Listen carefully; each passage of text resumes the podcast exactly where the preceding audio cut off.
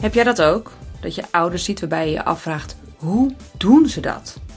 Sommigen die combineren hun baan op topniveau met een gezin, sport en vaak ook nog een opleiding of vrijwilligerswerk. En bij anderen vraag ik me af vanwege hun professie of hun persoonlijke situatie. Nou, in deze podcast ga ik voor jou op onderzoek uit.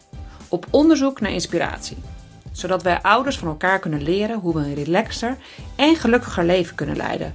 En daarmee een inspirerend voorbeeld zijn voor onze kinderen. Succesvol balanceren en succesvol opvoeden dus. Want dat willen we uiteindelijk toch allemaal, hoe we ons leven dan ook inrichten. Ik kan niet anders zeggen dan dat ik weer een super inspirerende kandidaat heb voor deze dertigste aflevering van de Hoe doen zij dat dan podcast. Ik interviewde Erlijne Brookman. Zij werd geboren met een dubbele hartafwijking, wat ook nu nog de nodige fysieke beperkingen met zich meebrengt. Ondanks, of misschien juist wel daardoor, leeft ze letterlijk en figuurlijk op topniveau. Voor haar werk is Erlijne directeur samenlevingszaken bij IT-bedrijf Pinkrokade. En privé zoekt ze hele andere hoogtes op. Als alpinist trotseert ze barre omstandigheden om de top te bereiken. Nou, daarnaast verbouwen zij en haar vriend een oude boerderij. Een behoorlijk project, meerjarenplan, waarvoor ze het eerste jaar zelfs op 30 vierkante meter hebben geleefd. En dan is Erlijne ook nog moeder van dochter Emma. Hoe ze dat allemaal doet, deelt ze met je in deze aflevering. Ik wens je heel veel luisterplezier. Welkom, Erlijne. Ja. Ehm, zou je mij eens kunnen vertellen hoe jouw carrière zich ontwikkelde toen jouw dochter geboren werd? Ja, toen mijn dochter geboren werd, toen was ik ambtenaar bij een gemeente. Eh, nog niet zo heel lang eh, ook. En ik had toen hele mooie plannen om minder te gaan werken en eh, wat- rustiger aan te doen. Ik was overigens ook nog bezig met het afronden van mijn masteropleiding aan de universiteit. En toen, nou, toen werd ik moeder. En dus ik had mijn plannen parttime werken en dan een beetje de opleiding bij doen en vooral moeder zijn. Alleen na een maand of vier, vijf dacht ik, ja nee, ik ben stiekem toch fulltime aan het werk. Want ik was heel erg betrokken. Eh, dus als ze lag te slapen, dan eh, was ik stiekem nog rapport aan het eh, afmaken of advies aan het schrijven. Dus uiteindelijk heb ik ervoor gekozen om weer bijna fulltime te gaan werken. En het gekke is, nadat ik dat besluit had genomen, ging mijn carrière echt als een speer. Want binnen een paar jaar had ik een managementpositie bij een gemeente. En ja, toen zij, ik moet even uitrekenen hoe oud ze was, vijf was, ben ik overgestapt naar bedrijfsleven. En ook daar heb ik eigenlijk heel snel carrière gemaakt. Dus mijn idee van hoe ik als moeder zou gaan functioneren, dat, eh, ja, dat ging helemaal op de schop eigenlijk eh, door die beslissing om weer, eh, ja, weer fulltime ook voor mijn carrière te gaan. En wat maakte dat je die beslissing zo nam? Ik had enorme ambitie. Ik heb eigenlijk altijd in het maatschappelijke domein gewerkt. Dus zowel als ambtenaar als later binnen het bedrijfsleven werk ik echt, nou, ik noem het maar even, aan het oplossen van complexe maatschappelijke vraagstukken. Eh, en ik zie eigenlijk constant om me heen, nou ja, dat zie je wel in het nieuws, hè, over de jeugdzorg of over het onderwijs of over de zorg. Dan denk ik, oh, maar voor dat probleem, daar kan ik ook een bijdrage aan leveren. En er zijn zoveel mensen die daar beter van worden. Dus ik word heel erg gedreven door een intrinsieke motivatie om iets bij te dragen aan de maatschappij. Eh, En ik kan dat zelf niet afremmen, blijkbaar. Ehm, ja, dat verlegt heel vaak de aandacht eh, naar dat stuk van mijn leven. Ja, en dan maak ik toch de, de beslissing om daar eh, veel tijd in te steken. En nou besteed je niet alleen daar veel tijd aan. Want ik weet ook dat jij blogt voor Fab Mama, voor Mountain Reporters en op je eigen site seamovesmountains.nl. Dan adviseer en coach je andere vrouwen. Ben je een fanatieke alpinist en verbouw je een boerderij waar je me net wat een en ander over verteld hebt. Wat zie jij als jouw geheim om dat allemaal met elkaar te combineren? Eh, nou, wat ik heel vaak van andere mensen hoor, van ja, ik kom niet zo erg aan mezelf toe. Hè? Dus eh, ik werk en ik doe dit en ik doe dit. En waar is dan de ruimte voor mezelf? Ik zie al die dingen die ik doe, zie ik ook als ruimte voor mezelf. En dat geldt zowel voor mijn werk als al die ja, hobby's en bedrijfjes eromheen die ik eh, doe. Eh, maar ook de tijd met mijn dochter. Dus ik heb, ik heb niet zoveel behoefte om s'avonds op de bank te gaan zitten en dan eens even lekker Netflix te gaan kijken om tijd voor mezelf te hebben. Als ik een blog schrijf over iets wat ik meemaak of over een onderwerp wat me heel na bij het hart ligt, dan is dat ook tijd voor mezelf. Als ik met mijn dochter een paar uur ga schaatsen op de woensdagmiddag, dan is dat ook tijd voor mezelf. Dus uh, de, de ruimte om voor mezelf iets te doen om tot rust te komen, die vul ik in met ja, andere activiteiten. Uh, en dat is denk ik wel een mindset ding wat ik heb moeten leren. Als jij heel de tijd streeft, heel de dag naar dat moment van rust. Van, oh ja, maar dan heb ik tijd voor mezelf. Uh, ja, dat betekent dat je dat ook gaat opzoeken. Het is een beetje net als je, nou, als je naar het toilet moet, zeg maar, en je zit in je auto en je bent bijna thuis. Ja, dan weet je lijf van, oh, maar nu, uh, en nu kan het. Uh. ik denk dat ik mijn, mijn lijf en mijn mindset inmiddels zo heb van, ja, maar dat moment is niet per se op de bank crashen met chips en dan Netflix kijken. Nee, een moment voor jezelf is ook eens even nadenken over, nou ja, over bergbeklimmen of gaan sporten of met mijn dochter wat doen of... Dus ik denk dat ik op die manier heel effectief en efficiënt met mijn tijd omga. En ik doe gewoon vooral dingen die ik leuk vind. En dan kost het ook niet per se energie, dan levert het wat op. Uh, Ja, ik hoor jou zeggen uh, ik, dat je je mindset inmiddels zo hebt. Is dat anders geweest dan daarvoor? Ja, ja. ja ik heb echt wel tijden gehad uh, dat ik dat mijn werk me zoveel energie kostte dat ik echt inderdaad dat nodig had om s'avonds uren of in het weekend uren, maar bijna af te zonderen ook voor mijn gezin, uh, om die rust te vinden. Uh, en ik denk dat dat te maken had met, uh, het is ook een bepaalde fase in je carrière.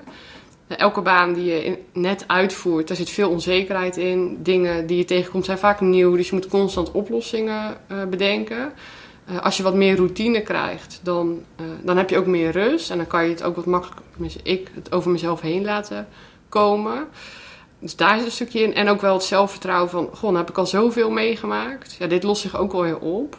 En dan kan ik met veel meer plezier en energie in mijn werk staan. Uh, maar dat is wel iets, dat heeft zich door de jaren gevormd. En ik ben chronisch ziek, dus ik heb ook hartklachten. En ik merk ook wel, ja, daardoor ga ik ook anders over dingen nadenken in het leven. Dus ik denk, oh ja, ik moet er eigenlijk alles uithalen wat erin zit. Maar ook, ja, dat betekent niet dat ik me laat opjagen door anderen. Want ik ben nu mezelf en ik wil nu dit doen. En ik heb hier plezier en energie in. Ja, dan ga ik dit ook doen. Dus uh, dat, uh, ja, dat houdt wel met elkaar verband. Maar dat is wel, ik denk, een proces van 10, 15 jaar geweest voordat ik zover was. Je bent geboren met een dubbele hartafwijking. En je hebt in de afgelopen 37 jaar meerdere hartoperaties ja. uh, ondergaan. In welke mate heeft dat jouw leven, je vertelde er al wel iets over net, maar hoe heeft dat jou beïnvloed en hoe beïnvloedt dat nu misschien ook nog fysiek hè, uh, je leven momenteel? Want je bent alpinist. Ja, ja. Dus, ja. tegen elk doktersadvies in. Oh, ja, goed, ja. Nou, ik heb zo'n hartkwaal waarvan ik weet dat ik om de zoveel jaar, nou ik zeg al door de wasstraat moet, maar in ieder geval weer geopereerd moet uh, worden. Uh, dus wat ik, uh, toen ik jonger was, dan hing dat elke keer als een soort zwarte wolk boven alles wat ik deed. Van oké, ik voel me nu fit, ik ben nu in staat om dit of dat te doen, carrière te maken, te sporten, een kind te krijgen. dus ik moet het ook nu doen. Dus ik, ik was heel erg bezig met ja, ik noemde dat in sprints leven. Van, oh ja, ik heb nu vijf tot tien jaar dat ik me heel fit voel. Dus nu moet ik alles eruit halen wat erin zit en het er doorheen trekken, zeg maar. Want straks word ik sowieso weer ziek. En ik weet niet hoe ik dan na die operatie er weer voor sta, uh, fysiek. Ik moet wel zeggen, ik ben in 2015 voor de laatste keer geopereerd. Dat was mijn vierde operatie inmiddels. Uh, dat heb ik ook wel een stukje los kunnen laten. In die zin van ja, als je alleen maar haast, haast, haast hebt, dan geniet je er niet van. En ik begin me eigenlijk zelf, merk ik, een beetje te keren tegen het gevoel van... oh ja, we hebben een bucketlist en we gaan alles afstrepen. En, want straks is de tijd op. Want voelde het een beetje zo? Ja, ja. Ik moet ook wel zeggen, uh, echt in mijn jongste jeugd... Uh, het was de medische wetenschap ook minder ver dan nu. Maar dan heb ik eigenlijk altijd gehoord van... Ah, je mag niet sporten, doe voorzichtig aan met de gym... Uh, ja, mocht je ooit kinderen willen krijgen, nou, je time uh, gap is uh, tot dan, zeg maar. dus ik ben wel ook echt opgevoed met, ja, doe voorzichtig aan. En ik denk dat ik rond mijn puberteit daar echt tegen ging rebelleren. Ik dacht, ja, hallo, leven is ook nog een ding. Hè? Niet alleen maar wachten tot je dan, nou, tot je een keer wel wat mag of tot de tijd weer op is. ik weet wel, toen ik, ik was 24 toen ik voor de derde keer geopereerd was. En toen heb ik wel echt gedacht van... Uh, Oké, er zijn nu een paar dingen die moeten echt. Als ik die nog wil, onder andere een kind krijgen... Ja, daar, daar, zat gewoon een soort uh, window of opportunity in. Van ja, nu weten we zeker dat dat fysiek kan. Als je vijf of tien jaar verder bent, weten we dat niet zeker. Toen had ik heel veel haast. nou, daarom ben ik ook zo jong moeder geworden. Ik was 25 toen mijn dochter geboren was. En op tijd, want daarna ben ik inderdaad weer ziek geworden. Dus ja, ergens zit dat nog wel een beetje in, vooral fysiek. Ja, ik wilde dan ook wel veel uithalen. Ik denk, als ik fit ben, dan, uh, dan gaan we ervoor. Uh, en nu als alpinist merk ik dat heel erg. Ja, ik, uh, ik moet heel veel trainen om hetzelfde te bereiken als iemand die gewoon gezond is. Maar ik heb het er dan wel voor over. Ik heb wel echt in mijn hoofd zitten van, ik wil dat heel graag. En ik vind het ook... nou, het is een vorm van meditatie voor mij. Zowel het sporten, maar ook echt het alpinisme zelf. Buiten zijn in de natuur zijn, afzien, alleen maar daarmee bezig zijn. Dan heb ik het er ook wel voor over. En het, ik zie het bijna als een cadeautje aan mezelf. Uh, ik zeg, mijn artsen zijn er niet heel blij mee. Maar, hey, maar het klinkt bijna zoals je het zegt, alsof... Nou, je zei ook van, dan moet ik even door de wasstraat. Is het dan dat het energie in die vijf tot tien jaar opeens afneemt? Want je zegt, je wordt ziek. Wat betekent dat? Ja, ik, uh, nou, als ik kijk naar de meest recente operatie... Uh, toen was ik eigenlijk heel fit. Was in 2013 was ik heel fit. Toen liep ik halve marathons. Toen voelde ik me fysiek heel goed. En daarna heb ik een periode gehad ik dacht, ik kom niet meer lekker in conditie. Hè? Het is een beetje, ja, nou, ik voel me gewoon niet fijn en ik krijg het niet voor elkaar om weer me echt fit te voelen. En toen ben ik eigenlijk heel bewust gaan beseffen van, hé, hey, per maand neemt mijn conditie verder af. Terwijl ik wel gewoon probeer te trainen en te sporten. Tot ik uiteindelijk bij de trap op kantoor niet meer opkwam. Gewoon naar 13 treden. Ja, maar nu is er echt iets niet goed. Uh, en dan zie je ook dat je langzaam, omdat het zo geleidelijk gaat, ga je leven aanpassen uh, aan wat voor energie je hebt. Dus dan ga je niet meer s'avonds op stap of je gaat niet meer uh, nog een extra rondje rennen. En dat gaat heel geleidelijk. Dus het is niet dat ik denk, oh ja, nu ben ik ziek en nu moet er iets gebeuren. Nee, het gaat in stapje voor stapje, word je minder. En zonder dat je door hebt, ga je allerlei aanpassingjes doen. Tot er op het moment voor mij dat ik denk, hé, hey, hey, maar waarom, doe ik, hè, waarom leef ik nu zo? En dan besef ik, oh ja, ik heb gewoon geen conditie meer. Ja, dan is voor mij een moment om echt flink aan de bel te trekken bij mijn arts. En uh, ja, er moet weer wat gebeuren uh, daarin. Ja, want herken je dus wel, want je zegt het gaat geleidelijk, maar inmiddels ben je vier keer geopereerd. Dus herken je ook dat patroon dat ja. zich dan uh, ontwikkelt? Ja. ja, en ik moet wel zeggen, het is, het is heel lastig. Want ik merk zelf, ik ga jaarlijks controle en meer als het nodig is, dat het, het die geleidelijkheid maakt het echt tricky. Want soms denk ik van, oh, ik voel me niet fit, er zal wel iets zijn. En er is helemaal niks aan de hand. Dus ik moet heel goed opletten, is het nou mijn eigen... Uh, hè, dus ga ik een soort self-fulfilling prophecy maken? Of is er nu echt fysiek wat aan de hand? En ik vind dat zelf heel moeilijk. Nou, je zei net al even mijn drukke schema. Ik doe gewoon heel veel. Dus ja, ik ben heel regelmatig gewoon moe. En als ik niet oplet, ga ik mezelf aanpraten dat het met iets fysieks te maken heeft. Uh, nou, dan word ik een beetje angstig en dan ga ik de dokter bellen en dan mag ik weer even op controle komen. Nee, er is niks aan de hand. Oké, dan kan ik weer een tijdje vooruit. Dus het gaat heel geleidelijk en dat maakt het ook zo ingewikkeld. Om echt goed bij mezelf vast te stellen, is het echt fysiek? Of uh, zit ik mezelf nu dit aan te praten en heb ik gewoon rust nodig? Uh, net als elk ander mens. dus ja, ik herken het. Maar om echt het goede punt ja, te zien, wat er nu echt aan de hand is, dat blijf ik moeilijk vinden. Ja. En wat is dan het, um, het toekomstperspectief? Want je zegt van elke keer vijf à tien jaar moet ik geopereerd worden. Kan dat gewoon elke keer doorgaan? Of is dat een keer... Uh... het houdt een keer op, ja. ja. En op dit moment ben, uh, is er een constructie. Ik heb nu titanium uh, aorta-kleppen, om het even heel technisch te maken. Die zouden in principe gewoon mijn leven lang mee kunnen gaan. Dus het zou niet meer nodig moeten zijn. Nou, mijn lijf is ook wel een beetje klaar uh, ermee. Um, maar die garantie kunnen ze niet geven.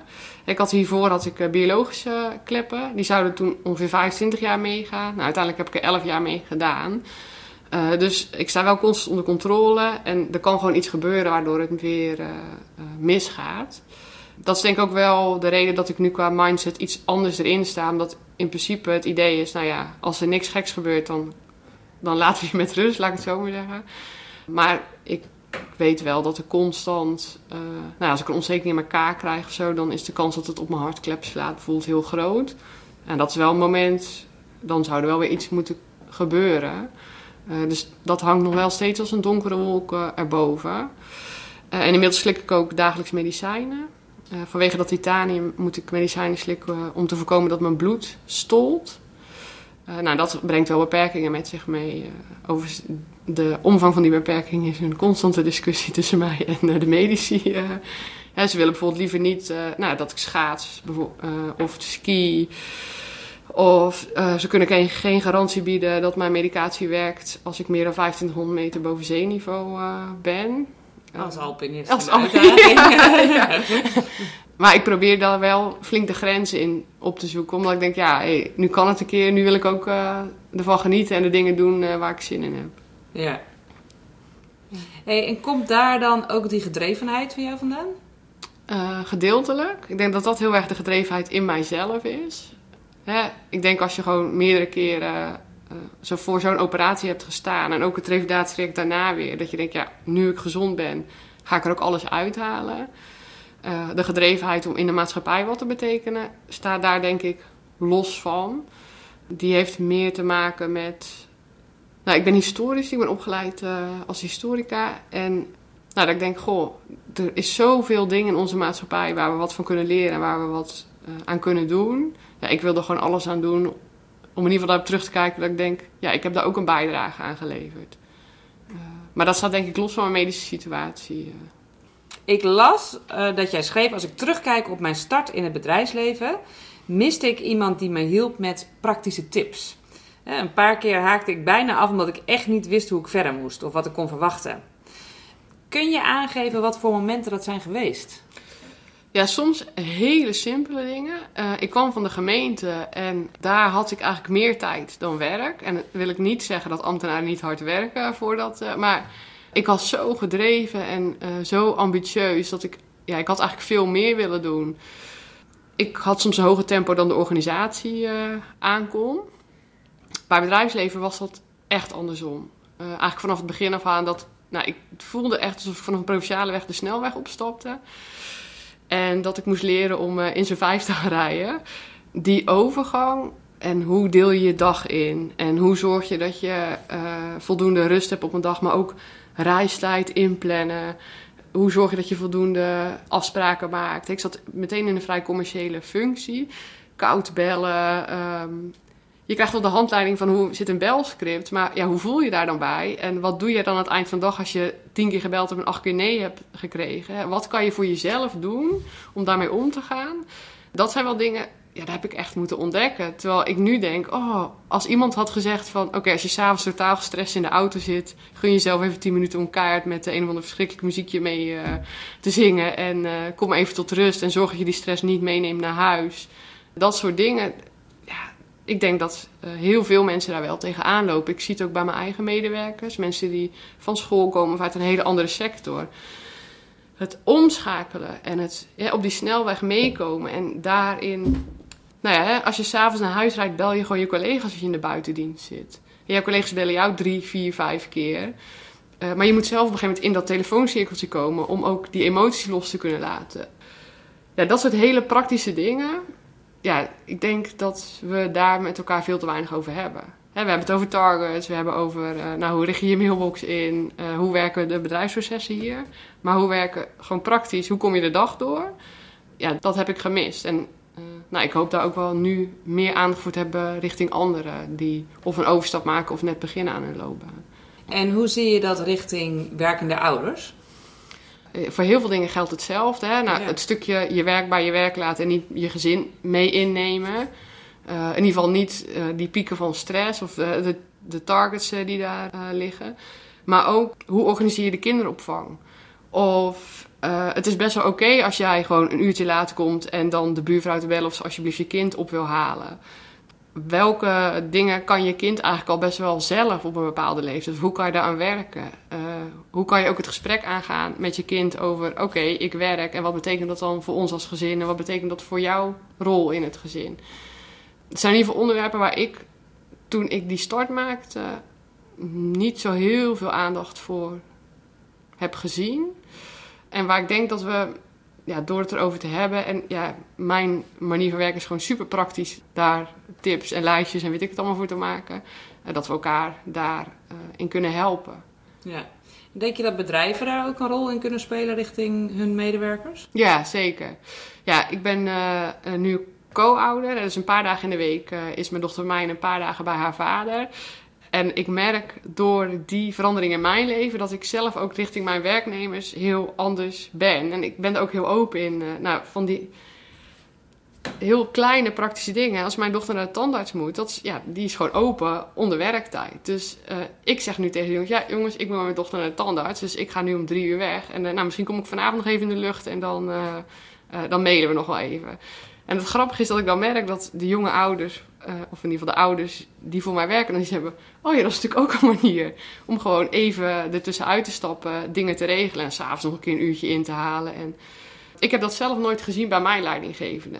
Dus ik heb heel vaak in teams gewerkt waar het gewoon 40 uur werken was. Uh, nou, elke dag je uren draaien en dan vaak s'avonds ook nog wel.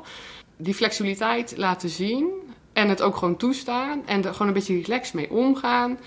Ik denk dat dat begint vanaf de leidinggevende, vanaf de top. En dan kan het doordruppelen uh, naar beneden. Want je moet die ruimte niet alleen op papier laten zien. Maar ik denk dat je er zelf ook gebruik van moet maken en het in de praktijk nou, bijna voordoen. Om vertrouwen te geven dat het ook echt mag. En dat mensen er niet op afgerekend worden. Of dat er niet wordt gezegd van, hé, hey, vier uur weg, ga je met lunchpauze, weet je wel. Nou, van dat soort grapjes ken ik zelf in ieder geval uit de corporate wereld uh, ook. En ja, als ik een, als ik een tandartsafspraak moet maken, dan uh, doe ik dat ook gewoon uh, overdag. Of als ik de dokter moet bellen. En ja, wij zitten in een kantoortuin. En het lukt niet altijd om dat even apart te doen. Het feit dat ik gewoon bel, dat maakt voor iemand anders ook de drempel makkelijker. Ja, ik denk dat in ieder geval mij dat helpt om die openheid en die flexibiliteit ook ja, voor andere ouders te bieden. En ik denk dat we onszelf als directie of directeuren of leidinggevenden wel eens te weinig beseffen ja, wat we dan daarin uitstralen. Dus als jij super strak uh, op de werktijden zit en uh, heel weinig laat zien van hoe jij het combineert, ja, dan is het voor een medewerker ook heel moeilijk om daar de ruimte voor te vragen. Ja, dus is enerzijds bedrijfscultuur. Ik ben benieuwd of je ook anderzijds ook tips hebt voor ouders. Want je noemt een aantal praktische uh, punten. Ik weet dat heel veel ouders ook vervolgens met bepaalde overtuigingen zitten die ze belemmert. Hè? Van uh, het is niet oké om, om, uh, om nee te zeggen bijvoorbeeld. Hè? Zoveel mensen die daar moeite mee hebben of om hulp te vragen. Om überhaupt die drempel over te gaan om inderdaad dan dus die hulp te vragen aan andere ouders. Heb je daar een advies voor? Ja, bij heel veel van dat soort dingen is het gewoon doen. maar dat is wel het makkelijkste advies. Want uh, ja, als jij door je eigen belemmeringen, dat, dan is het ook heel moeilijk om die drempel uh, over te gaan. Ik geloof in heel veel zaken dat dat uitspreken, dat je dat moeilijk vindt. En dan kan er bij spreken nog naar je moeder zijn of uh, naar iemand anders die je vertrouwt. Dat hoeft niet eens die ouder te zijn die je dan straks eventueel wil gaan bellen. Dat helpt al, hè, om die belemmeringen te bespreken en er ook te leren en te zien dat het vaak vooral je eigen belemmeringen zijn. Dat de omgeving helemaal niet daar zo naar kijkt. Ik weet nog een keer, toen moest ik s ochtends vroeg uh, op maandag ergens zijn voor het werk. En uh, ik haal het allemaal niet met uh, voorschotse opvang. En nou, ik zat gewoon op het terras op zaterdag met, nou, met mensen uit het dorp. En dat echt iemand zei, ja, wat zit je nou te miepen? Weet je, dan breng je het toch naar mij op zondagavond. Dan eet je met ons mee en dan breng ik er s ochtends wel naar school. ik denk, Oh ja, ja, weet je, die optie was voor mij dat ik schaamde me dood eigenlijk. Ik had dat echt nooit durven vragen aan een andere ouder. En ik, ook door het feit om het erover te hebben, steekt gewoon iemand spontaan zijn hand op. Ik hoef die hulpvraag niet eens uh, te stellen. Ik geloof heel erg in transparantie en openheid. En ik geloof er ook in, dat, dat hoeft niet per se met jou, hè, degene waar je die vraag aan zou willen stellen of zou kunnen stellen. Je kan die belemmering ook al verwerken door er met anderen over te hebben.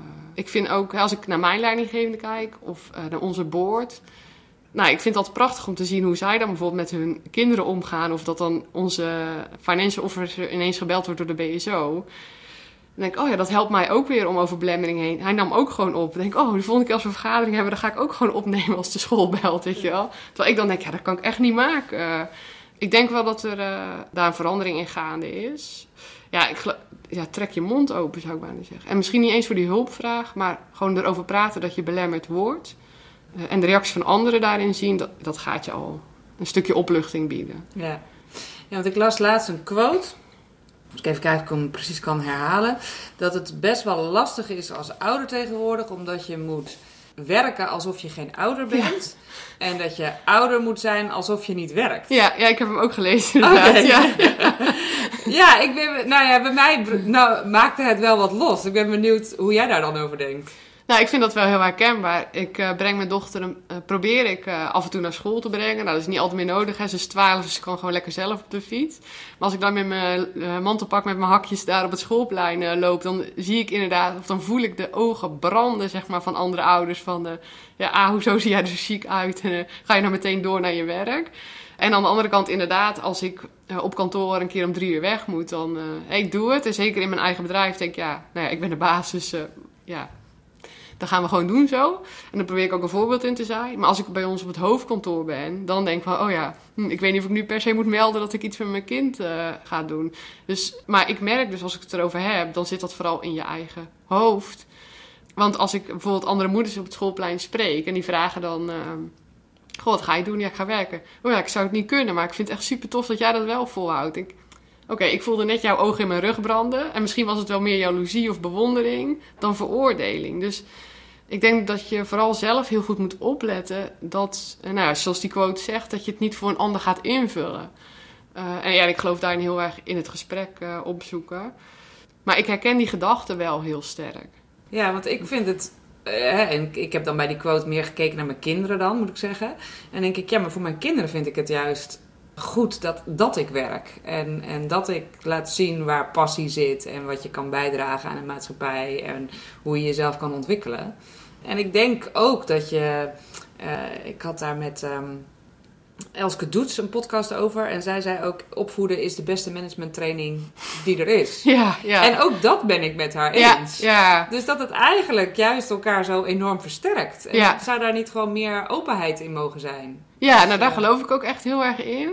En ik geloof ook heel erg in een voorbeeld zijn. Uh, ik vind, als ik probeer alles uit te halen en een maatschappelijke bijdrage te leveren, dat doe ik ook om mijn dochter te inspireren en om haar te laten zien dat ze moet proberen nou, zo gelukkig mogelijk in het leven te staan en ook iets te willen bijdragen. Maar ik geloof, ja, ik vind het wel leuk wat je zegt, die managementtraining. De beste managementtraining is je gezin. Want als je ziet hoe vaak ouders ochtends binnenkomen en dan eigenlijk al een hele werkdag aan time management en dingen organiseren en plannen en mensen motiveren erop hebben, of zit op dat moment ja, daar kan je alleen maar van leren. En je zou eigenlijk heel graag die vaardigheden overdraagbaar willen maken. En sommige mensen kunnen dat heel goed. Hè? Dus die kunnen ook heel goed die verbanden leggen tussen... Oh maar thuis ben ik zo en dan heb ik een weekplanning en dan gaan we het zo doen. En dan kan ik mensen motiveren om de was op te ruimen of uh, de afwas te doen. Of ik krijg mijn kinderen zover dat ze uiteindelijk wel... Nou, bijvoorbeeld watervrij worden, om die angst te overwinnen. Eh, en die kunnen daar ook dat verband leggen. En bij sommige mensen is het, die zijn heel erg, uh, oké, dat is thuis en dat is werk. En dan zou je eigenlijk wel kunnen zeggen, ja, maar thuis lukt het ook. Dus probeer nou eens uit datzelfde vaatje te, uh, te putten om hier op kantoor dingen te bereiken. Of ja, richting klanten. Ja, ik herken dat wel erg. Ik vind als je uh, werkende moeder bent, dan zijn je time management skills volgens mij al bij voorbaat. ik heb je al zes vinkjes zeg maar van mij. Als werkende vaders ook hoor, maar uh, ik zie dat vrouwen soms zelfs onderschatten hoeveel werk ze doen in een gezin en hoeveel verantwoordelijkheid ze daarin dragen. En inderdaad hoeveel vaardigheden ze inmiddels hebben geleerd om kinderen en mensen om zich heen te motiveren. En hoe goed ze die skills eigenlijk zouden kunnen toepassen als manager of als teamleider of als... Nou, als je op de helpdesk zit en je bent met klanten bezig. Ik denk dat we onszelf daar wel iets bewust van mogen zijn. Hoe belangrijk uh, die vaardigheden zijn. En hoe bruikbaar. Ja. En dan ben ik ook benieuwd. Zijn er ook bepaalde zakelijke strategieën die je vanuit je werk juist naar privé doorvertelt? Ja, een van de dingen die ik echt geleerd heb. Uh, ik was al best wel jong toen ik een leidinggevende baan had. En wat ik bij heel veel jonge mensen zie, waar ik zelf ook regelmatig in getrapt heb, dat je gewoon op je streep gaat staan. Ja, jij luistert nu naar mij, want ik ben de baas. Ik denk dat ik als ouder zo ook begonnen ben. En dat ik nu wel heb geleerd. Ja, ja A, zo werkt het uh, gewoon niet. Uh, B, wordt daar niemand echt heel blij van. Jij zelf ook niet. Ik ben niet een moeder inmiddels die gaat zeggen: ja waarom moet ik dat doen? Ja, daarom, omdat ik dat vind. Dus ik denk dat eh, het zachter worden van mijzelf als leider en als manager... heeft mij ook als moeder wel echt geleerd van... Ja, zo werkt het niet. En nou, we hadden het net al even over. Hè? Mijn dochter is inmiddels puber. Ik ben blij dat ik die les ruim geleerd heb voordat zij puber werd. Ja. Want bij je kind van vier werkt dat denk ik misschien nog wel.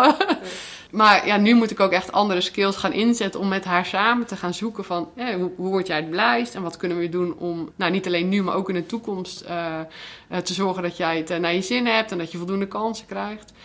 Die strategie van ja, gewoon op je strepen gaan staan en daarom, ja, dat werkt dan niet meer. Ik denk wel dat ik dat al heel vaak heb kunnen oefenen in mijn werksituatie en dat ik daar een relaxtere moeder van ben geworden. Dat. Ja, ik doe, uh, als ik kijk naar strategische plannen of waar willen we naartoe met ons bedrijf.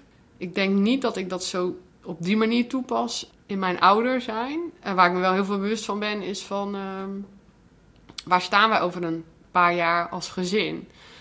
Ik heb ambities van mijn werk. Uh, mijn dochter gaat dadelijk een vervolgopleiding kiezen ik heb het wel met haar, oké, je gaat nu dit besluit nemen. Wat heeft dat dan op de wat langere termijn voor consequenties? En dat kan zijn, uh, nou, je moet straks 15 kilometer fietsen elke dag. Oh, daar had ik nog geen rekening mee gehouden. Want uh, dat, dat vriendinnetje gaat ook naar die school. Dat leek me gewoon heel leuk. Maar ook, ja, oké, wat is dan de stap die je daarna wil maken? Ik vind dat wel zelf een heel moeilijke discussie met kinderen overigens. Want ik denk ook wel dat we als maatschappij soms te veel nadruk leggen op het belang van zo'n schoolkeuze. Als ik, ik wilde vroeger altijd dierenarts worden. nou, dat is niet gelukt in ieder geval. Ik heb een beta-pakket ge, uh, gekozen op het VWO. Vervolgens dacht ik, nee, nee, ik wil toch journalist worden. Nou, daar heb ik daar, uh, ben ik uh, geschiedenis gaan studeren. Nou, uiteindelijk ben ik directeur geworden in een IT-bedrijf. Ja, dat had ik toen ook niet bedacht. En er is niemand die daarmee een opmerking over maakt. Dus ik vind die balans wel lastig. Aan de ene kant wil je inderdaad met je kind meedenken, met mijn dochter meedenken. Oké, wat voor invloed heeft een beslissing die je nu maakt op de lange termijn? Aan de andere kant denk ik, ja, moet je ze daar nu al mee belasten? Ik heb daar in een uh, podcast met Remco Klaas ook over gesproken. Die ook zei, ze zijn daar überhaupt nog niet klaar voor. Ook het brein nee. is er nog letterlijk nog niet klaar voor bij kinderen. En inderdaad, waar mensen uiteindelijk terechtkomen, ja, ik vind het dus ook veel belangrijker voor, voor mijn uh, kinderen dat ze, dat ze zich ontwikkelen als mens en dat ze daar goed in staan. In plaats van, ja, weet je, wat moet je nu precies kiezen? denk je, ja. ja weet je, als je uiteindelijk straks besluit dat je links wil en je hebt het vakkenpakket van rechts, ja, dan vind je ook wel weer een manier om toch nog weer links te gaan. Ik vind het wel een heel groot dilemma, omdat ik daar voel ik dus wel de maatschappelijke druk om aan de ene kant daar heel goed uh, je kind te begeleiden. En uh, mijn dochter is bijvoorbeeld heel creatief. Die houdt echt ontzettend van tekenen en schilderen en toneel. En denk ik, oh ja, maar ja, als ze dan straks naar een opleiding gaat die, daar, die zich daarop richt.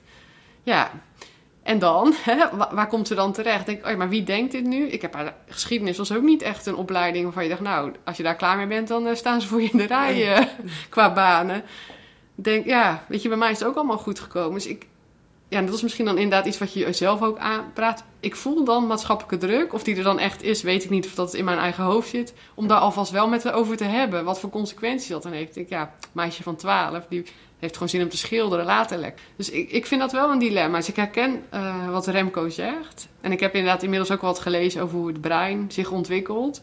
Je moet inderdaad jonge kinderen daar niet bij belasten. Uh, maar als je kijkt hoe scholen daarop inspelen, maar ook ons hele onderwijssysteem, ja, dan word je wel als ouder en als kind steeds geduwd in een bepaalde richting om wel uh, er snel over na te denken. Ja.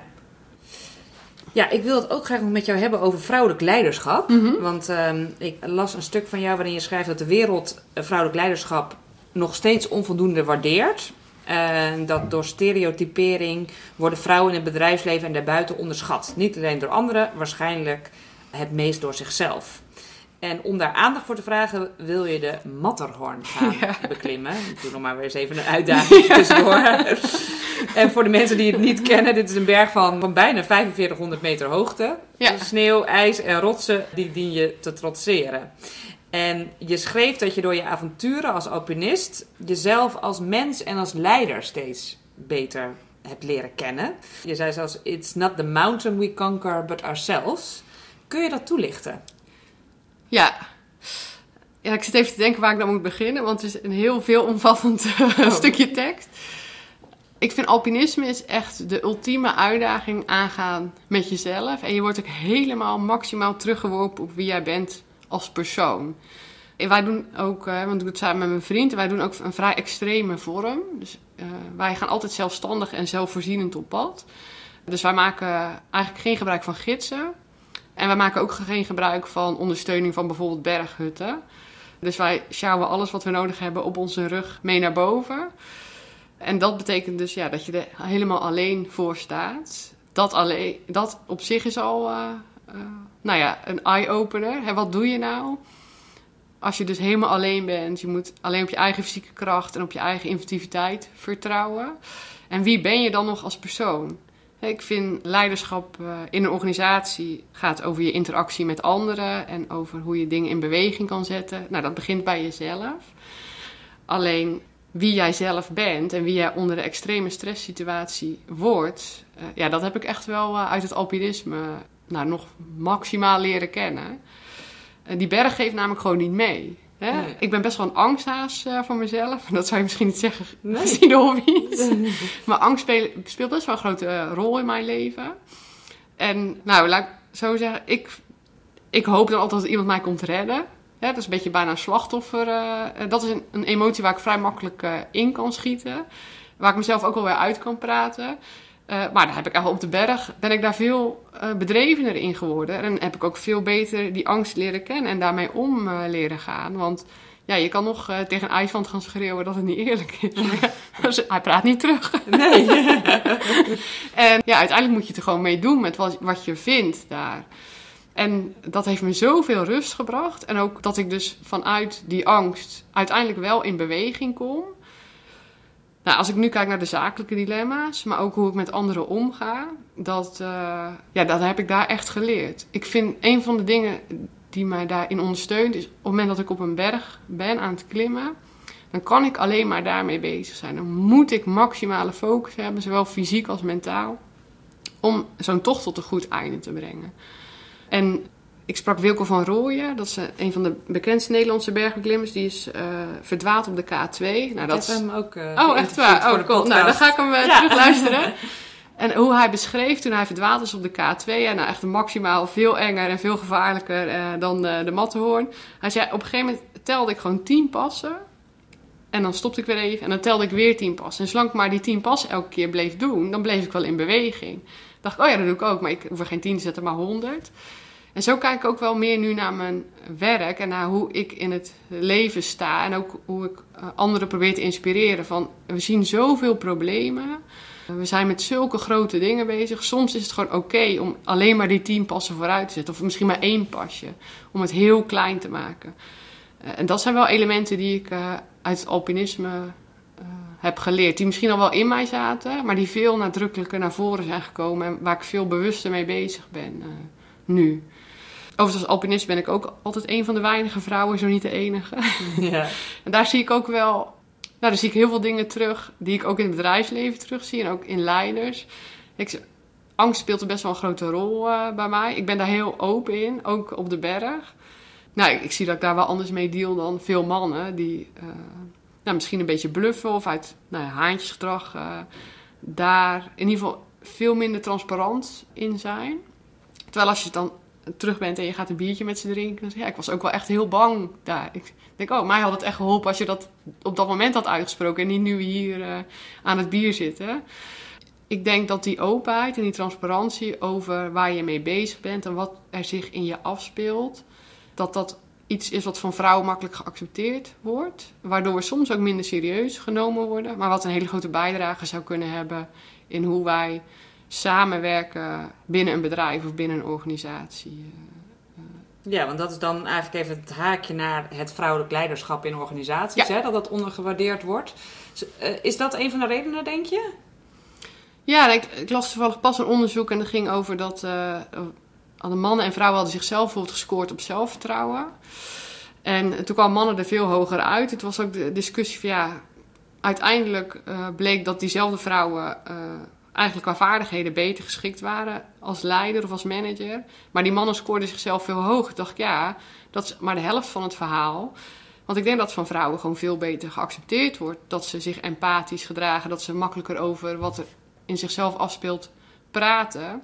Dat heeft als nadeel dat je in de klassieke zin als leider soms onderschat wordt of niet serieus genomen wordt. Aan de andere kant, je maakt veel makkelijker verbinding met de mensen om je heen. En als je dat nu eens als kracht gaat zien, dan, uh, nou, dan kunnen we er veel meer mee doen. Dus ik denk dat dat wel een van de kernelementen is in dat vrouwelijk leiderschap. ja, waar we eens op een andere manier over na zouden kunnen denken. Eh, en waar ik denk ook vrouwen individueel, maar ook als groep zeg maar, in kunnen groeien. Uh, nou, ik zei net al iets over op je strepen gaan staan als leider. Toen ik net als manager begon, toen gedroeg ik me vooral heel mannelijk. Want ik dacht, oh ja, al die mensen om me heen die doen het zo, nou dan ga ik het ook maar zo doen. het heeft mij wel even gekost om te denken, nee ja, ik wil het niet zo, want ik word daar zelf niet heel blij van. En het is ook niet nodig om het te doen zoals al die anderen. Een van mijn medewerkers die zei een tijdje geleden: ja, jij bent de minst bazige baas die je ken. Maar toch werk ik het liefst, hè, doe ik echt wel dingen graag voor jou. Ik denk, ja, dat is wel iets. Ik denk, oh, nou, dat vind ik ineens heel leuk om te horen. Maar ik denk, dat past ook wel inmiddels bij de vorm van leiderschap die ik laat zien. Uh, dat iemand er zo in zit. En wat zou je dan vrouwen adviseren? Hè? Want uh, jij zet je heel erg in voor meer vrouwen aan de top. Uh, de vraag is natuurlijk enerzijds wat vrouwen willen en anderzijds welke, welke kansen er in de maatschappij uh, geboden worden. Wat zou je vrouwen adviseren? En dan bedoel ik met name natuurlijk werkende moeders. Die eigenlijk wel meer zouden willen, maar dus eigenlijk misschien ook wel de combinatie met het ouderschap lastig vinden. Misschien de maatschappelijke druk ook lastig vinden. Wat zou je hun adviseren? En mijn basisadvies voor iedereen is: laat niemand je vertellen dat je iets niet kan. Maar het vraagt vooral van jezelf iets om die stap te zetten. uh, je zegt al, ja, die ogen die dan goh, moet je nou echt per se 40 uur werken? Moet je dat nou wel willen? Ik denk dat je ten eerste moet leren om heel eerlijk naar jezelf te zijn. Je, je moet het niet voor een ander doen. Je moet het echt doen omdat je het zelf wil, anders hou je het niet vol. Leer snel en dan bedoel ik als je echt in een organisatie start, wat werkt en of dat bij jou past. Er zijn gewoon organisaties die meer ruimte bieden voor andere vormen van leiderschap. En er zijn organisaties waar er uh, nou, andere cultuur heerst, waarbij geen oordeel van mijn kant, want het moet werken voor jouw organisatie en de markt en hoe je, uh, nou ja, je moet jezelf ook daar staande inhouden. En wees gewoon vooral niet bang om dingen uit te spreken. En dat geldt zowel thuis als binnen het bedrijf waar je werkt. Een basisadvies is wel, ja, eh, je kan het zelf wel willen, maar iedereen thuis moet er ook achter staan.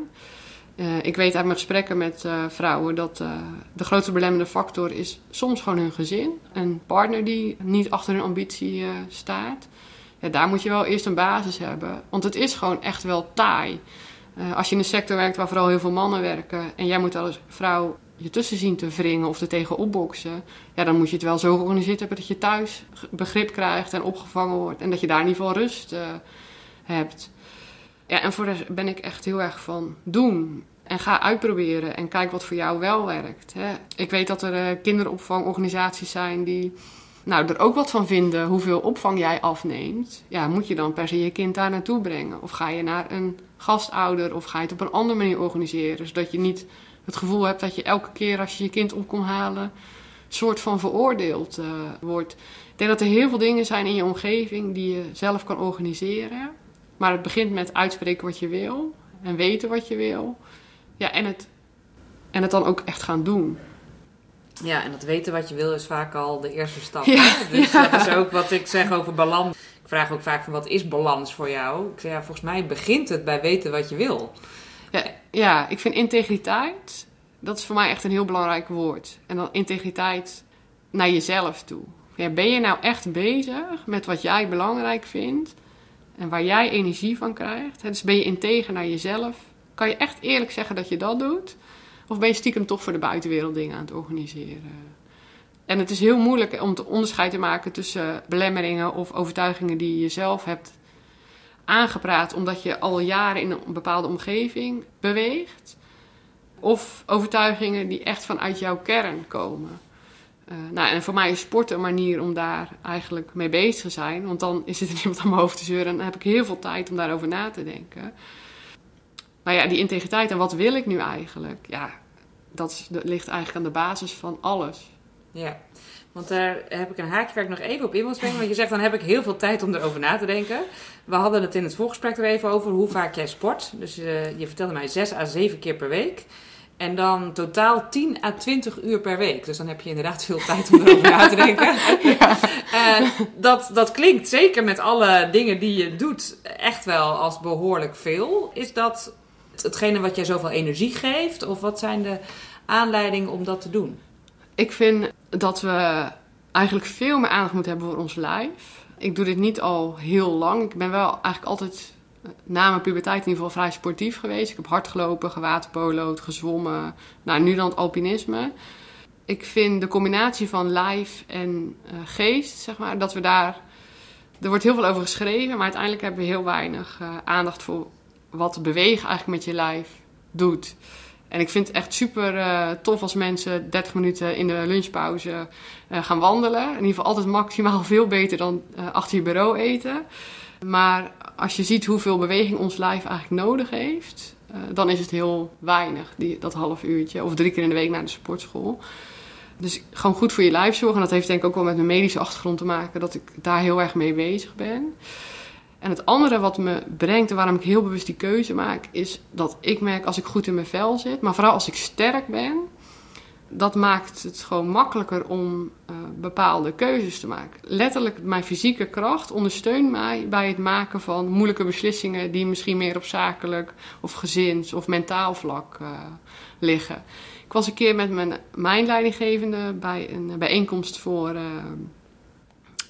vrouwelijk leiderschap.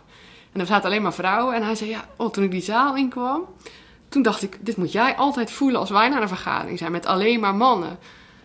Hij zegt, voelt zo raar om met alleen maar vrouwen te zijn. Ik zei, en besef je ook nog, als ik met alleen maar mannen ben, ik ben me heel bewust van dat iedereen ook nog eens fysiek groter, sterker is uh, dan ik. En ik merk sinds ik veel meer aandacht besteed aan dat element, dat ik gewoon veel zekerder in mijn uh, schoenen sta. En dan wordt het op een gegeven moment een verslaving. Want dan wil je nog iets sterker worden, nog iets beter, nog iets harder kunnen. Ja, dan gebruik ik die tijd om over allerlei dingen na te denken. En ook als stiekem op Netflix te kijken. Ja, ik heb toevallig net de, de, podcast voor jou, Henry Schut, geïnterviewd, sportverslaggever mm -hmm. van de NOS. Zij heeft een boek geschreven, hè, Top Fit. Mm -hmm. Ook als je denkt geen tijd te hebben. De, de, dingen die hij noemde, als je denkt geen tijd te hebben, bijvoorbeeld dus dat zijn bioritme zo dusdanig anders was, dat hij zegt, ik, heb, ik sport nu veel meer, maar ik heb eigenlijk meer tijd met mijn gezin. Ja. En dat vond ik wel een, een mooi, mooi inzicht om aan ouders mee te geven. Ja, grappig is dat ik, ik vind het indelen van je dag heel belangrijk. Hè? Dus, nou, wat in voorgesprek ook even over slaap. Ik slaap gewoon standaard 8 uur uh, per dag. Maar ik denk ook heel bewust na over hoe mijn dag eruit ziet, zodat dat sporten erin past. En dus er gaat ook niet zomaar een uur verloren aan op de bank zitten. Dus de tijd die ik dan bijvoorbeeld met mijn dochter inplan, klinkt nu heel uh, uh, plastisch, maar ja, zo ziet de dag er dan gewoon uit. Die wordt ook wel ten volle benut. Uh, en ik probeer haar natuurlijk ook dan gewoon mee te nemen om iets te gaan doen. Dus als we gaan klimmen, dan, uh, nou, dan probeer ik er ook echt een uitje van te maken met haar.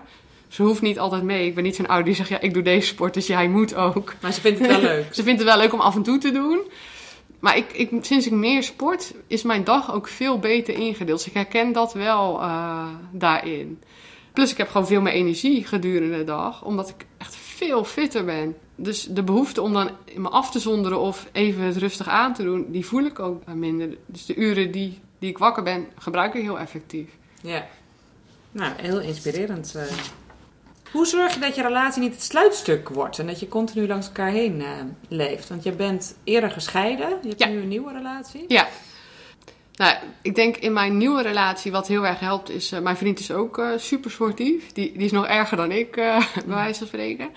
En wij zijn allebei... hebben een vrij avontuurlijke mindset. En dat delen we ook echt. Dus die 10, 20 uur sporten... daarvan is zeker de helft gewoon tijd voor onze relatie. Eh, wij gaan heel regelmatig bijvoorbeeld een parcours lopen in de Ardennen... waarbij we klimmen en ook gewoon nou, hiken... En dat doen we dan met z'n tweeën. Daar zijn we dan acht tot tien uur mee bezig. Maar er zijn wel acht tot tien uur met z'n tweeën daar mee bezig. Uh, en niet ieder voor zich. Nee, je moet elkaar helpen. Je overlegt uh, met elkaar. Nou, dat, ken ik uit de bergen ook. Dat doen we ook samen. En soms gaan er andere mensen mee. Soms gaat hij ook wel eens alleen met iemand anders. Uh, maar we proberen dat zoveel mogelijk samen te doen. Nou, dat is de beste relatietraining die je kan hebben. Als je 's ochtends wakker wordt uh, bij min 15 en je tent staat in de sneeuw. en je wandelschoenen zijn bevroren. en wie gaat er nog leuk? Ja, ja, en wie gaat naar buiten om, om uh, sneeuw te zoeken om uh, water te maken en thee te maken? nou, dat is best wel heftig, zeg maar. Maar ook daarin geldt, net als dat je op jezelf wordt teruggeworpen, dat je ook gewoon tot aan de basis van je relatie komt. Want wat heb je dan uiteindelijk voor elkaar over? En hoe praat je tegen elkaar als hè, when shit hits the fan? Hè, we staan ergens op een rots en de een van de twee durft niet meer verder. Ja, en dan? Ja, ja, de beste relatietherapie die je ooit kan hebben, kan ik je wel vertellen. Ja, ja en een andere voordeel is, mijn vriend heeft zelf een, een, bedrijf gehad. En daar merk ik ook wel, er is heel veel begrip van uit zijn kant van... Oké, dit moet nu even, want ja, dat heeft het bedrijf nodig. Of uh, er staan medewerkers ergens op te wachten. Of uh, ik wil nu echt aandacht aan mijn uh, dochter besteden, want we hebben al zo weinig tijd. Dus ik denk dat de mindset waarmee wij in het leven staan... En het feit dat we zoveel uren met elkaar doorbrengen in vaak penibele situaties. Ja. ja, daar krijg je een hele sterke band van. en daar zie ik ook wel een verschil met mijn huwelijk bijvoorbeeld. waar we denk ik wel uit elkaar gegroeid zijn, omdat we die basiselementen op een gegeven moment niet meer bij elkaar vonden. Hij was geen alpinist. Hij was geen, maar ik toen ook nog niet. uh, maar ik heb mezelf wel uh, nou, een beetje opnieuw uitgevonden. Dat ik dacht, oh ja, wat zit nu in de kern van wat ik wil? Hè? Dus uh, ja, ik wil een goede moeder zijn. Ik wil mijn dochter inspireren. Ik wil een maatschappelijke bijdrage leveren. Maar het avontuur opzoeken en er alles uithalen wat erin zit ja, dat moet gewoon een heel belangrijk element zijn in mijn dagelijks leven. En dat heb ik nu veel beter geborgd in mijn huidige relatie. We zijn allebei net zo gek uh, daarmee en daarvan. Ja. Hey, ik heb een aantal vriendenboekjes vragen aan je. Het leukste dat ik samen met mijn kind heb gedaan is. Het is echt heel decadent. toen ik net alleen was, eh, toen heb ik haar een keer uh, eigenlijk een beetje per ongeluk meegenomen naar echt een te erg uh, decadent, veel te dure vakantie op Tenerife. Ja. en, maar het was heel leuk, omdat we, waren voor het eerst eigenlijk met z'n tweeën op vakantie. In ieder geval zo'n lange tijd. En we hebben ons helemaal in de watten laten leggen. En nou, ik merkte wel, na mijn scheiding moest ik mezelf ook als moeder weer uitvinden. Maar ook de relatie met je kind verandert heel erg. En ik kijk wel op die vakantie terug denk daar hebben we elkaar weer gevonden. En ook elkaar nog veel beter in die nieuwe rol leren kennen. En dat heeft, is heel waardevol geweest voor ons samen. Ontzettend ja, bijzonder om zo uh, ja, met z'n tweeën het avontuur aan te gaan. Ja.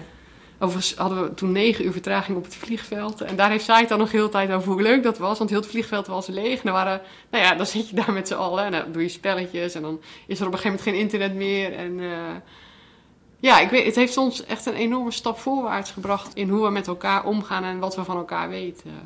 Uh, mijn kind heeft me geleerd dat. Dat je niet alles van tevoren kan bepalen. Uh, en dat het oké is om daar gewoon heel lang over te doen om, uh, om je weg te vinden. Ik ben eigenlijk best wel een controle-free. Dus ik werk heel gestructureerd. Ik deel mijn dag in, ik deel mijn weken in, ik deel mijn jaar nog in. Zeker rondom het sporten. Mijn dochter is heel makkelijk. Die, die ziet wel wat er gebeurt. En het komt regelmatig voor dat ze dan bij het ontbijt denkt... Oh ja, ik moest nog huiswerk inleveren vandaag. En dan komt het eigenlijk ook altijd wel weer goed. En dat is wel iets... nou, ik hoop ik hoop dat ik er nog veel meer van kan leren. Ik zie het gebeuren en denk, oh, daar ben ik eigenlijk wel een beetje jaloers op dat je zo in het leven kan staan. Uh, ja. Mijn grootste opvoedblunder. Hmm. Oh, dat vind ik wel echt. Uh, ik moet uit zoveel kiezen.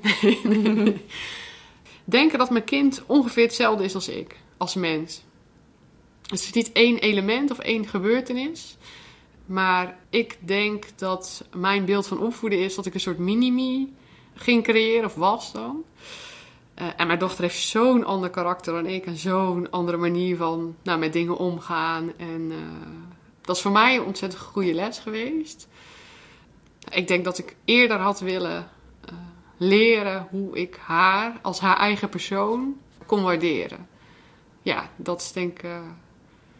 daar zitten dan allerlei kleine situaties onder. Maar ik denk dat dat een hele belangrijke shift is die ik heb gemaakt. Mijn kind is dus echt qua karakter nou, bijna 180 graden andere kant op.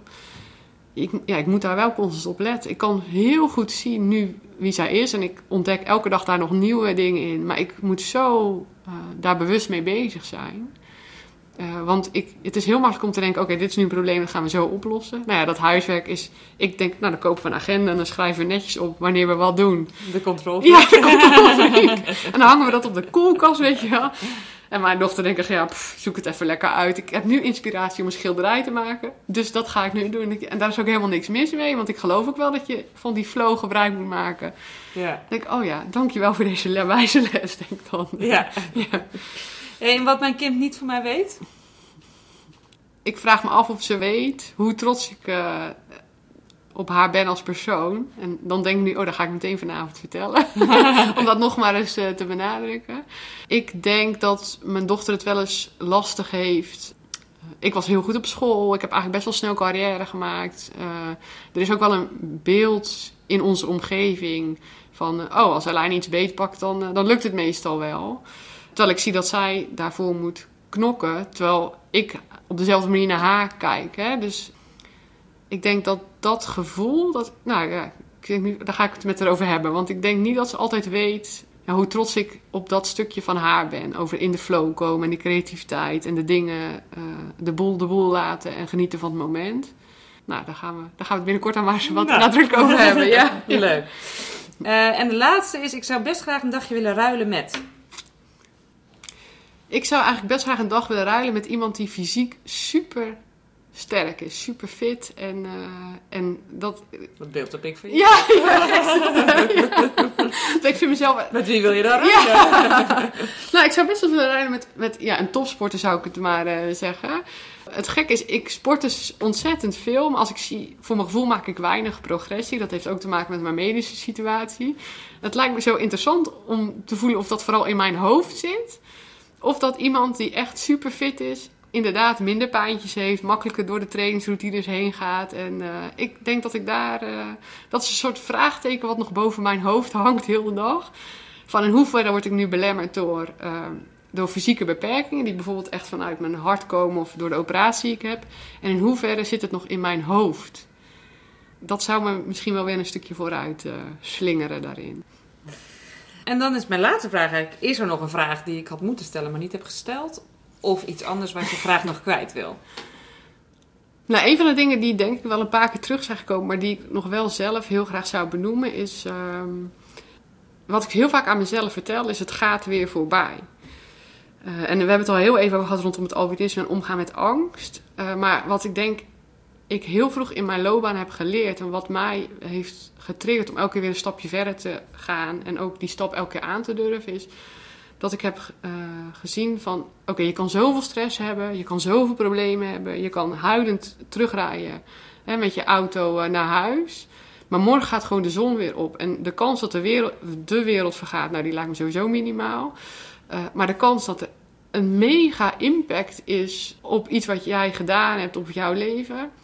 Uiteindelijk komt het eigenlijk altijd weer op zijn pootjes terecht. En dat heb ik geleerd omdat ik natuurlijk uh, medische achtergrond uh, heb. Maar ook, nou, ik weet nog dat ik net gescheiden was. Dat ik dacht, nou, nu, nu ga ik gewoon ten onder. Nu ga ik financieel ten onder. Mijn dochter gaat me daar uh, met andere ogen bekijken. Hoe ga ik ooit mijn carrière nog voortzetten? En uiteindelijk door gewoon één stap tegelijk te nemen. En komt het allemaal weer op zijn pootje terecht. Ik denk dat we in ons hoofd vaak heel veel problemen zo groot maken. Uh, en ik kan nu wel echt letterlijk tegen mezelf zeggen: Oké, je maakt dit probleem nu echt enorm groot, maar morgen is het weer voorbij.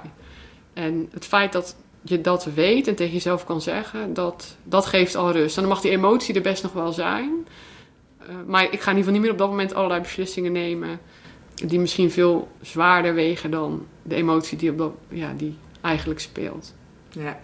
Mooi, ik heb een leidinggevende gehad en die zei altijd als we in dat soort situaties zijn, het wordt vanzelf kerstmis. Ja. Het wordt vanzelf kerstmis. Ja. Toevallig zei ik dat uh, gisteravond tegen mijn man, nadat wij in, dat wij in een verbouwing zaten. Ik zeg, het wordt vanzelf kerstmis. Dat duurt nu wel nog heel lang. het is februari. Ja. Ja, Ik vind, ja, ik vind dat relativeringsvermogen, dat is wel, uh, dat brengt je zoveel. Dat je, en dat is ook zo belangrijk om zelf weer uit die emotie te stappen. En dat, nou, ik had wel even bij het alpinisme ook over. Ik heb wel eens gehad, hadden we het echt helemaal verkeerd uitgerekend. En alles zat tegen. En toen moesten we echt... Nou, we hadden geen tent mee. En we moesten echt in een rotswand slapen op een matje.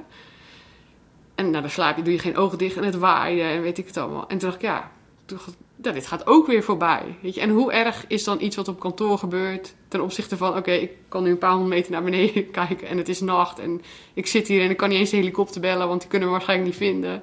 Dit gaat ook weer voorbij. Oké, de zon is weer op, we kunnen weer beginnen aan de dag. Uh, ja, ik, ik, denk dat dat een van de sterkste uh, zinnen die, is die je tegen jezelf kan zeggen. Ja, om blijven relativeren. Ja, ja. ja. Nou, mooi om daarmee af te sluiten. Ja, Dankjewel. ja ook bedankt. Wat een openhartige en inspirerende vrouw. Wil jij nou meer weten over Erlijne en haar tips? Kijk dan vooral even op haar eigen site shemovesmountains.nl.